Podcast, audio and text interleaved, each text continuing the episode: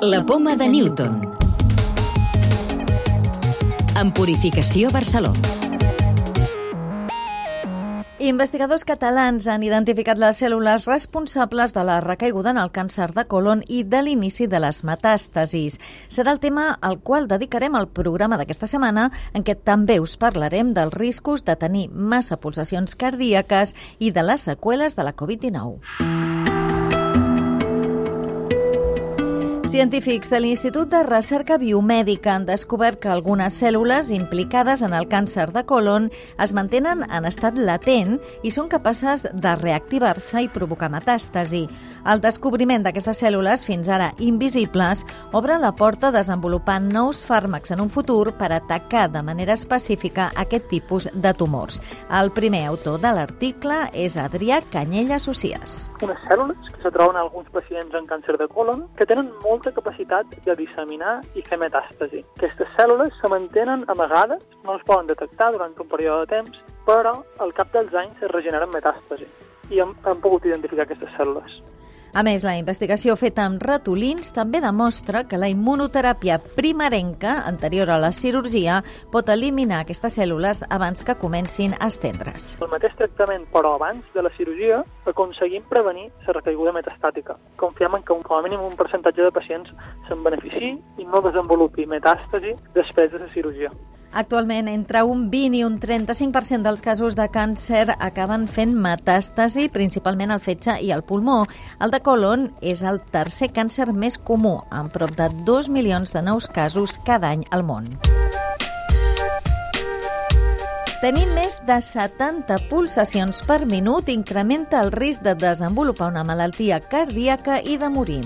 És el que demostra un estudi liderat des de l'Institut Hospital del Mar d'Investigacions Mèdiques i fet entre més de 10.000 persones. Segons la recerca, el risc de morir augmenta un 30% per cada increment de 10 pulsacions per sobre de les 70 per minut. De fet, aquest seria el llindar a partir del qual començaria la situació de risc. Roberto Losua és l'investigador principal de l'estudi. Podríem dir que fins a 70 estem bé i a partir de 70 doncs, anem augmentant el risc. Quantes més pulsacions tinguem, més punts, més risc anem agafant eh? però fins a 70 estem a l'àrea, a la zona segura. Més de la meitat dels pacients de Covid-19 tenen seqüeles més de 6 mesos després de la infecció. És la conclusió d'una revisió de més d'una cinquantena d'estudis fets públics sobre les seqüeles de la malaltia amb dades de més de 250.000 persones. La investigadora Anna Berenguera, experta en post-Covid a l'Institut Universitari d'Investigació en Atenció Primària i Diapgol, creu que les seqüeles afecten moltes més persones del que es pensava fins ara.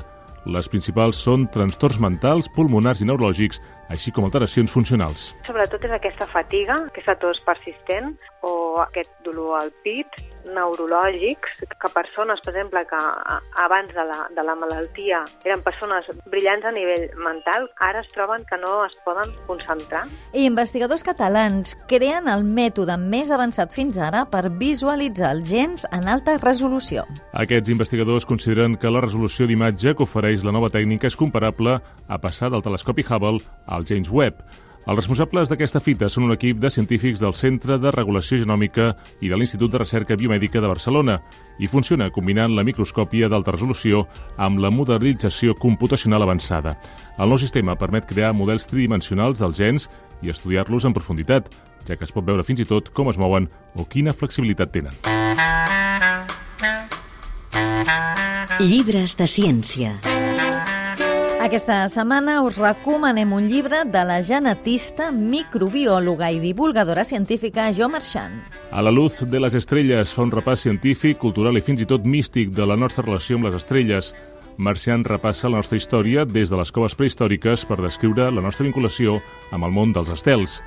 Visitarem, per exemple, monestirs medievals, acompanyarem arriscats mariners en els seus viatges guiats pel cel nocturn i descobrirem com les estrelles han influït en l'art, a les nostres creences religioses i en avenços científics, com l'espai-temps descrit per Einstein. En definitiva, l'obra de Marcian ens mostra com la nostra existència ha estat en bona part lligada a l'observació estel·lar, o fins a on ens pot aportar en el futur, com per exemple l'estudi d'un meteorit ens pot ajudar a algun dia a descobrir vida més enllà del nostre planeta. La clau de volta. Què pot fer la nanomedicina contra tumors com els de pàncreas? Maria Jesús Vicent, investigadora del Centre Príncep Felip de València. Utilitzant la vacuna de previndre, previndre que no n'hi hagi aquesta recurrència, aquesta metàstasis, atacant una, una sèrie de mecanismes eh, immunomoduladors. A la vegada que tu previngues que no hi ha una metàstasis, utilitzem uns sistemes que maten directament les cèl·lules tumorals i utilitzem la nanomedicina dissenyada de forma específica per a que sigui capaç de difondre a través de l'estroma i, en, i, en, i utilitzem fàrmacs que també fan que aquest estroma siga més permeable. O sigui, és una teràpia de combinació. Recordeu que podeu descarregar-vos el podcast de la Poma de Newton o subscriure-us al programa per rebre'l directament als vostres dispositius.